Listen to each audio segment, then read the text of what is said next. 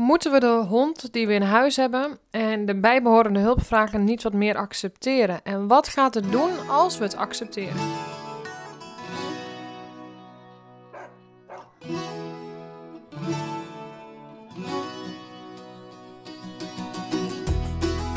En begrijp me niet verkeerd, ik wil met deze podcast niet um, de hulpvragen die die je liggen bagatelliseren, maar ik kom toch ook met regelmaat ergens en dat ik zie dat de hulpvragen die we hebben ook een soort van volkomen logisch zijn. Ik zie hulpvragen die bij het ras horen. Ik zie hulpvragen die de consequenties zijn van het feit dat honden een hype zijn, het feit dat honden doorgefokt zijn, het feit dat een hond bij een fokker vandaan komt die niet heel goed is, het feit dat een hond op een bepaalde manier gefokt is. Dat zijn eigenlijk allemaal factoren die maken dat je ergens een keer een plafond gaat tegenkomen. Nou, en ik geloof dat een plafond ook nog wel verhoogd kan worden. Dus dat je wel stretch hebt binnen een bepaalde hulpvraag. Alleen, ik denk, als we het hebben over onze mindset, wat ook een onderdeel is op het moment dat jij aan de slag wilt met de hulpvragen van je hond, de kijk die jij nu hebt op de hulpvragen die er liggen en dus ook de kijk die je hebt op het moment dat jouw hond iets doet het is een onderdeel op het moment dat je aan de slag wilt met hulpvragen. Omdat je dan eigenlijk je perspectief verbreedt. Je krijgt een, een, een andere bril op. Je ehm, krijgt gewoon meer ruimte eigenlijk. En in die ruimte is er gewoon wat meer begrip, minder snel frustratie, minder snel onrust. Dus op het moment dat je op die manier meer ruimte gaat creëren, ga je dat ook weer zien in de wisselwerking met je hond. Want je hond reageert daar wel degelijk op. Moeten we onze honden niet wat meer accepteren? Zit voor mij eigenlijk in dat we heel erg leven in een soort van maakbaarheidsland waarbij je alles kan oplossen. Ehm, althans, dat lijkt zo, hè? Doe dit of doe dat en je bent van al je problemen af. In de marketing die er is, ehm, zeker ook wat betreft hulpmiddelen, supplementen en uiteraard ook uh, soms bij hondengedragstherapeuten lijkt het gewoon dat als je X of Y doet, dat je van al je problemen af bent. En dat noem ik dus de Sillet Bang, je vuil is weg cultuur, die we ook in Honderland hebben. Waarbij je in die Amerikaanse reclames een klodder modder op de grond ziet en je gooit de Sillet Bang op en alles is verdwenen. En dat is niet realistisch. Want soms werkt het niet, soms gaat het niet, soms kan het niet, soms was de vloer al vuil, soms zit het ergens onder, soms Snap je het punt? En dat is met honden niet anders. Accepteren betekent voor mij niet dat je je ehm, ehm, alles maar loslaat en dat je denkt, nou, het is nou eenmaal zo. En dat je maar moet accepteren dat jouw hond overmatig in huis blaft, ik noem maar wat. Dat jouw hond overmatig trekt aan de lijn. Dat jouw hond. Nee, dat denk ik niet. Maar acceptatie kan wel veel geven als je het hebt over bepaalde hulpvragen die enerzijds bij het ras horen, die enerzijds ontstaan vanuit het feit dat je een bepaalde hond hebt die supersnel omhoog schiet. Um, dat je een ras in huis hebt die eigenlijk niet zo heel erg gezond is, waardoor je bepaalde dingen niet zou kunnen doen. Dan denk ik bijvoorbeeld aan. Hè, laatst was ik bij een Engelse bulldog en die uh, ja, kan eigenlijk uh, niet goed werken met beloningen, want die heeft hele specifieke voer nodig. Het is een hond die, uh, waarbij je heel erg moet letten op uh, wat je doet, want het is al snel te veel voor de hond. Um, het is een beperking die wij mensen de hond ook hebben gegeven. Um, dus daarmee wil ik niet alleen maar kritiek geven op deze rassen. En tegelijkertijd is het ook wel iets wat ik ontzettend ingewikkeld vind. We hebben veel honden in onze huizen die niet meer gezond zijn. En tegelijkertijd vragen we wel van de hond om op, om op dezelfde manier te kunnen functioneren als een hond die dat wel is. Um, hè, ik heb een podcast ook over de buitenlandse hond. Daar, heb je eigenlijk een, eenzelfde grens kan je tegenkomen. Eenzelfde plafond kan je tegenkomen. Uh, maar ik denk ook dat het zit in... Um, nou, laat ik even een ras noemen. De Friese stabij, waarvan je tegenwoordig ziet dat ze snel uh, angstig kunnen zijn. Waarvan je tegenwoordig ziet dat ze snel omhoog schieten. Dat ze alle kanten opschieten. Niet eens alleen omhoog, maar alle kanten op. Um, dat ze heel snel in de nervositeit schieten. Uh, je kan dit ook zien bij de Bernesenne hond, uh, waarvan dat origine helemaal niet zo aanwezig hoort te zijn. Het zijn allemaal dingen die een beetje een gevolg zijn geworden van de manier waarop we honden zijn gaan fokken.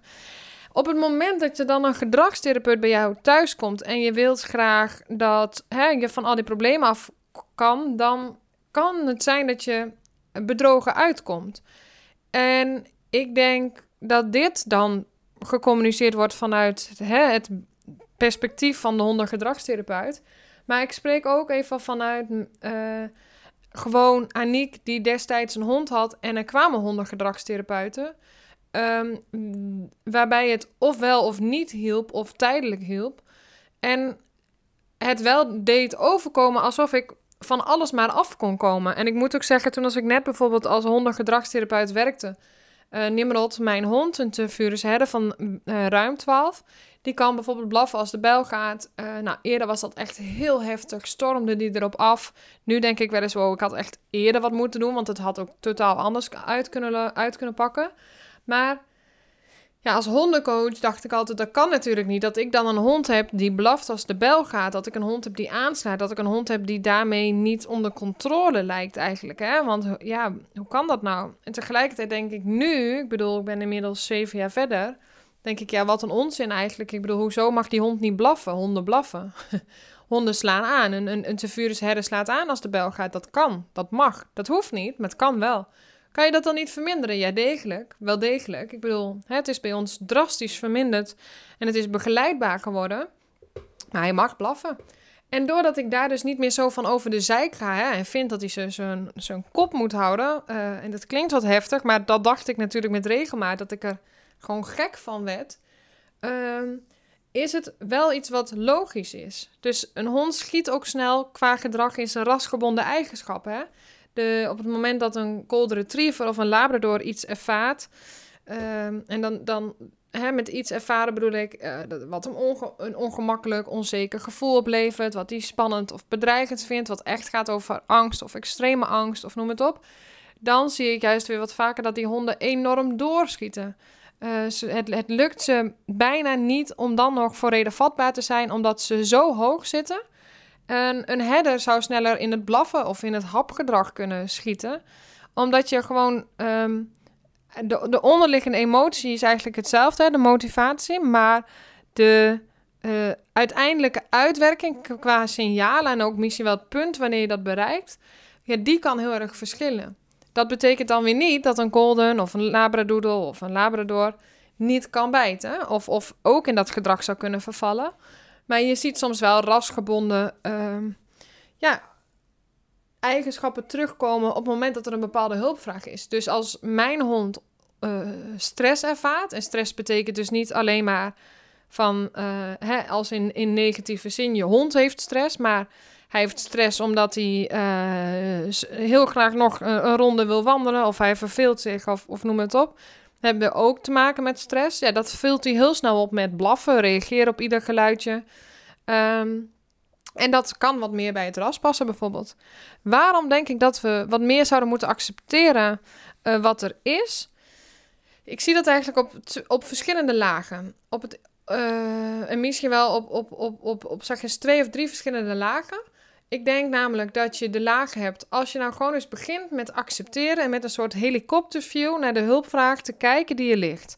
Dan, dan haal je jezelf even uh, zeg maar van de hulpvraag af. En ook daarmee laat je ook de frustraties en irritaties los.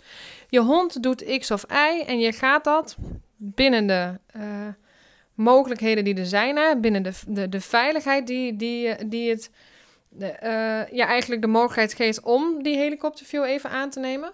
Maar dat je even gewoon gaat kijken naar, oké, je doet dit. Eh, zonder meteen van alles te willen, te moeten, het op te lossen, in je emotie te schieten. Ehm, want het kan je zoveel inzicht gewoon even geven en vooral ook rust. En ook wel een beetje begrip voor dat je op die manier ook naar je hond kan kijken van wow, weet je, ja, het doet veel met mij, maar, maar het doet ook zoveel met jou. Dus ik denk dat je mm, vanuit die helikopterview soms wat meer rust gaat krijgen. Daarnaast denk ik dat doordat je dat gaat doen, je ook wat meer naar de kern kan gaan komen. Zijn de problemen die er zijn echt problemen? Of zijn er manieren om daarmee, om daar een goede weg in te vinden? En wat is eigenlijk nou de kern van het probleem? Welke kern blijft overeind staan en welke andere zaken kan je loslaten of wat meer loslaten of in eerste instantie loslaten, zodat je je kan richten op de kernhulpvraag, want die gaat je rust geven. Want op een gegeven moment zijn er misschien ook andere dingetjes die je gaan irriteren, terwijl eigenlijk de kernhulpvraag het echte probleem is. Wat gaat die helikopterview jou geven? Nou, wat ik vaak zie is bijvoorbeeld op het moment dat een hond veel blaft in huis aanslaat, geef ik heel vaak het advies: wat nou als je gewoon is, niet meer reageert, totaal wat anders gaat doen en er inderdaad dus met die helikopterview naar kan gaan kijken. Dus dat je jezelf echt een soort van omhoog kan trekken en dat je boven het probleem uit kan stijgen en dat je kan gaan kijken naar het probleem. Wat je dan vaak al ziet is dat de hond anders reageert, dat hij minder heftig blaft, er sneller uitkomt, soms zelfs confused is van hé, hey, maar waar is nou de mens naast mij die niet meer reageert?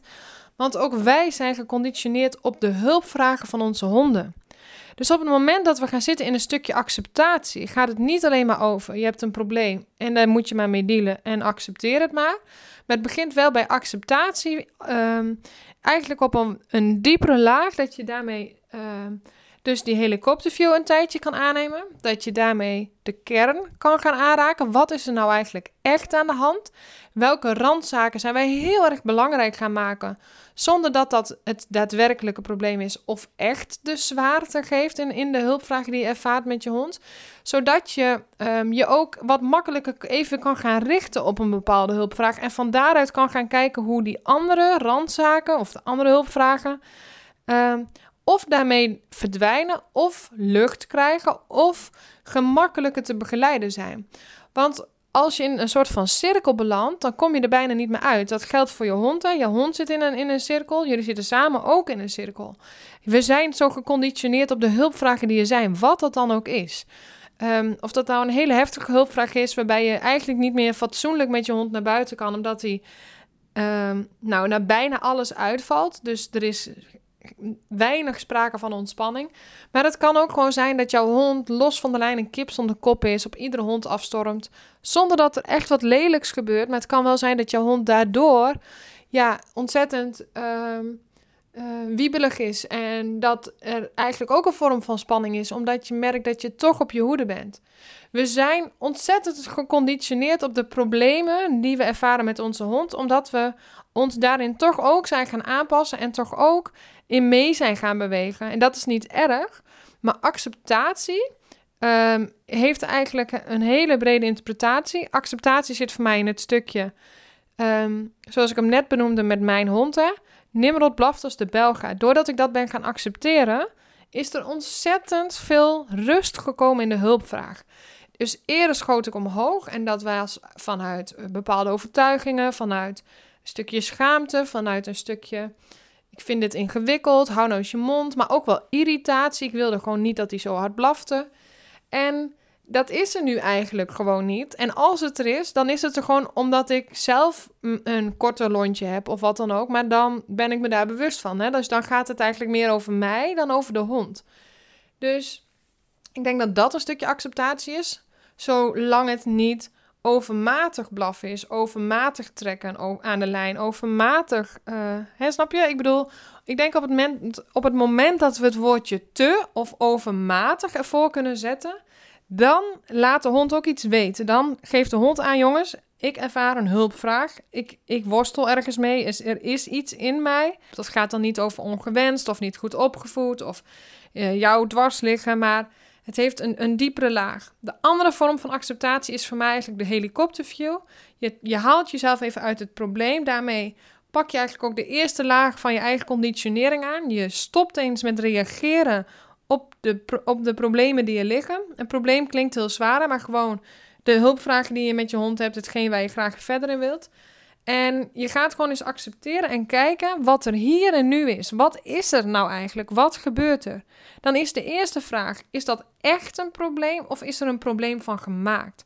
Waarom is het een probleem? Dus ben jij je ergens in gaan aanpassen?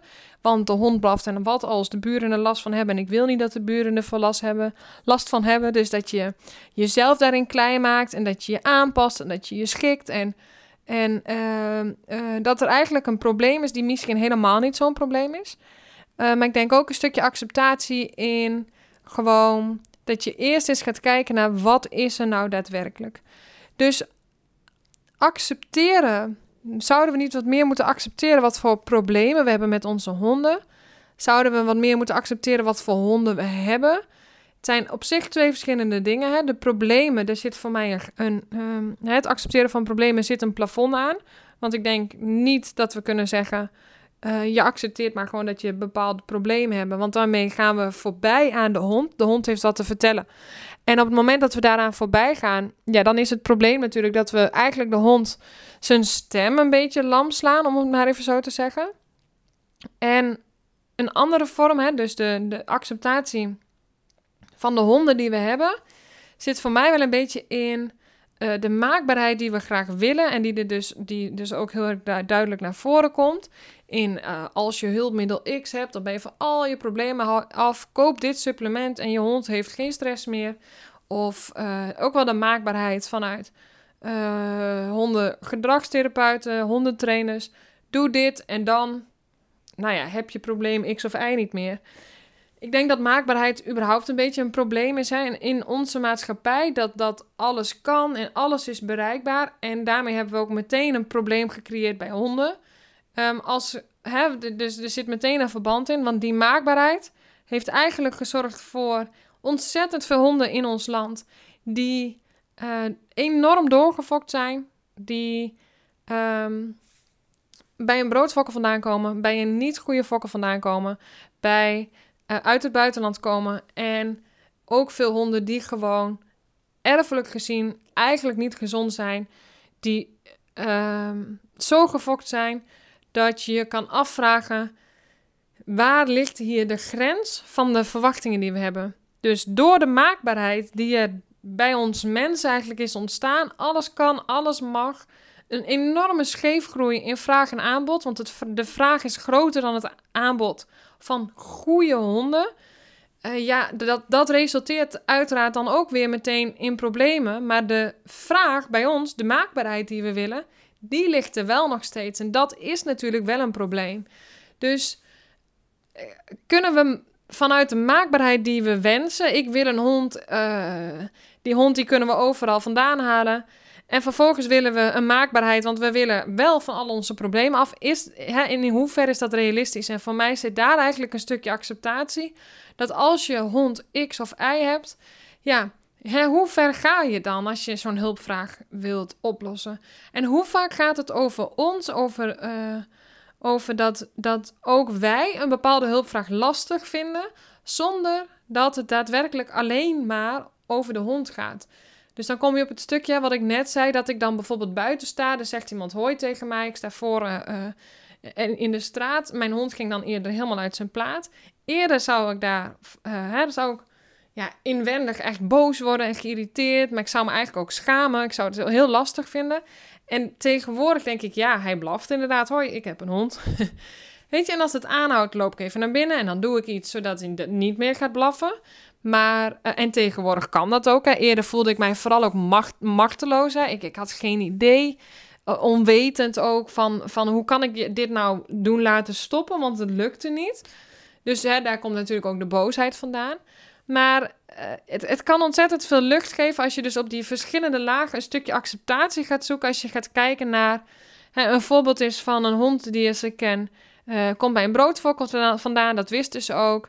Uh, die mensen zijn met mij aan de slag gegaan. Die zijn vervolgens nog bij andere mensen aan de slag gegaan. Die zijn vervolgens met een roedelopname aan de slag gegaan. Uh, bij mij zijn we eigenlijk gestopt op het stukje dat er lichamelijke klachten waren.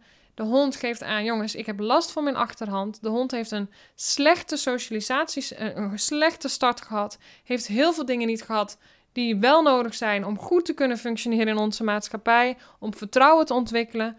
En uh, daarbovenop komt dat we niet zo goed weten... Um, hoe de moederhond zich heeft gevoeld. Dus het is bewezen dat als een moederhond veel stress heeft, dat er meer cortisol en snellere cortisol aanmaken is bij de honden zelf. Dus ze schieten sneller in een stresslevel, er kan meer angst aanwezig zijn, enzovoort, enzovoort. Dan is de vraag, hoe ver is het tegenover de hond om dan bijvoorbeeld een, een, ik noem maar wat, een roedelopname te doen, omdat wij vinden dat alles eruit moet. Welk stukje is hierin van ons en waar ligt dan de grens van maakbaarheid? Nou, begrijp me niet verkeerd. Hè. Je kan dan zeggen, ja, maar ik doe wel doedelopname, want... dus er zit geen, geen lading op dat, er, dat die keuzes gemaakt worden. Er zit geen lading op willen dat het anders hè, zou, zou worden, de hulpvraag die je hebt met je hond. Beter gezegd, je wilt niet weten wat ik allemaal heb, heb geprobeerd en heb, heb gezocht en hoe ik mij vastgebeten heb in de hulpvragen die er waren. Want ik wilde zo graag dat het anders wordt. Dus, dus ja, dat denk ik ook. En tegelijkertijd um, moet het wel fair blijven tegenover de hond. Want een, als je een slecht product koopt, en ik weet het, dit klinkt een beetje lullig, want de hond is geen product, maar op het moment dat we een slecht product kopen, je koopt dan een beschadigd product, een, een, een, een, uh, een tweedehands product, een product wat al, wat al gebruikt is, een refurbished, zoals ze dat ook wel noemen, uh, en je verwacht hetzelfde. Je hebt iets gekocht waar dan een kras op zit. Kan dat? Kan je dan vervolgens naar de winkel gaan en zeggen: Ja, maar weet je, ik heb dit uh, refurbished uh, dingetje gekocht. Ik noem maar wat. Maakt niet uit wat het is. Zit een kras op. Ja, dat klopt. Want dat, heb dat is wat je gekocht hebt. En daar begint dus ook meteen de hulpvraag. De hulpvraag gaat dus, wat mij betreft, nog een aantal lagen verder. Want het zit natuurlijk in het algemene fundament over honden, de, waar we de honden vandaan halen. En dat is niet erg, hè? Uh, toevallig is Nimrod, komt hij bij een goede fokker vandaan. Maar dat is niet omdat ik het toen wist. Ik had geen idee. We wisten niet waar we op moesten letten. Het zag er goed uit. Um, maar ik heb wel eens een uh, uh, websites van fokkers, in dit geval broodfokkers, doorgestuurd naar mensen waarvan je zou kunnen denken, nou, die weten er wat van, omdat ze bijvoorbeeld al meerdere honden hebben gehad. En dan is het niet zo dat er hele alarmerende dingen naar voren kwamen. Um, en dat is op zich dus schrijnend, hè? dat we eigenlijk niet weten van hé, hey, waar moet ik nou opletten? Nou, dan heb ik het alleen nog maar over broodfokkers, maar je hebt ook gewoon veel slecht gefokte honden. En je hebt gewoon natuurlijk de buitenlandse hond. Uh, dus dan moet je even, als je daar meer over wil weten, uh, naar de podcast uh, aflevering 10 kijken over buitenlandse honden. Maar ja, als er een plafond is, is er ook een stukje acceptatie ergens. En daarmee los je niet alles op, maar daarmee ehm, denk ik wel dat je meteen te maken hebt met het probleem wat dus echt op een van de allereerste lagen ligt, zoals ik net zei. Waar halen onze honden vandaan? Kan alles? Ik wil een hond, ik haal een hond. Is, is het realistisch? Zijn de verwachtingen die wij mensen hebben, zijn, zijn die altijd even fair tegenover de dieren, tegenover de hond in dit geval? Dus acceptatie kan op heel veel vlakken rust geven. En het kan ook even een handvat zijn om dus, zoals ik net al zei, die helikopterview te pakken. En gewoon eens te kijken, wat is er nu? Wat is de kern? Waar gaan we ons op richten? Wat gaat onze focus worden? Acceptatie heeft dus een hele brede interpretatie wat mij betreft. Maar acceptatie geeft vaak wel een stukje rust. Geeft tijdelijk even rust. Het geeft je inzicht en ruimte om weer verder te gaan. Dus je hoeft niet te accepteren dat je bepaalde hulpvragen hebt en daar misschien wat aan wil doen. Maar meer accepteren hoe onze honden zijn en dat sommige dingen erbij horen. Dat vind ik wel fair tegenover de honden. Ik ben benieuwd op welke vlakken jij uh, een stukje acceptatie zou kunnen vinden.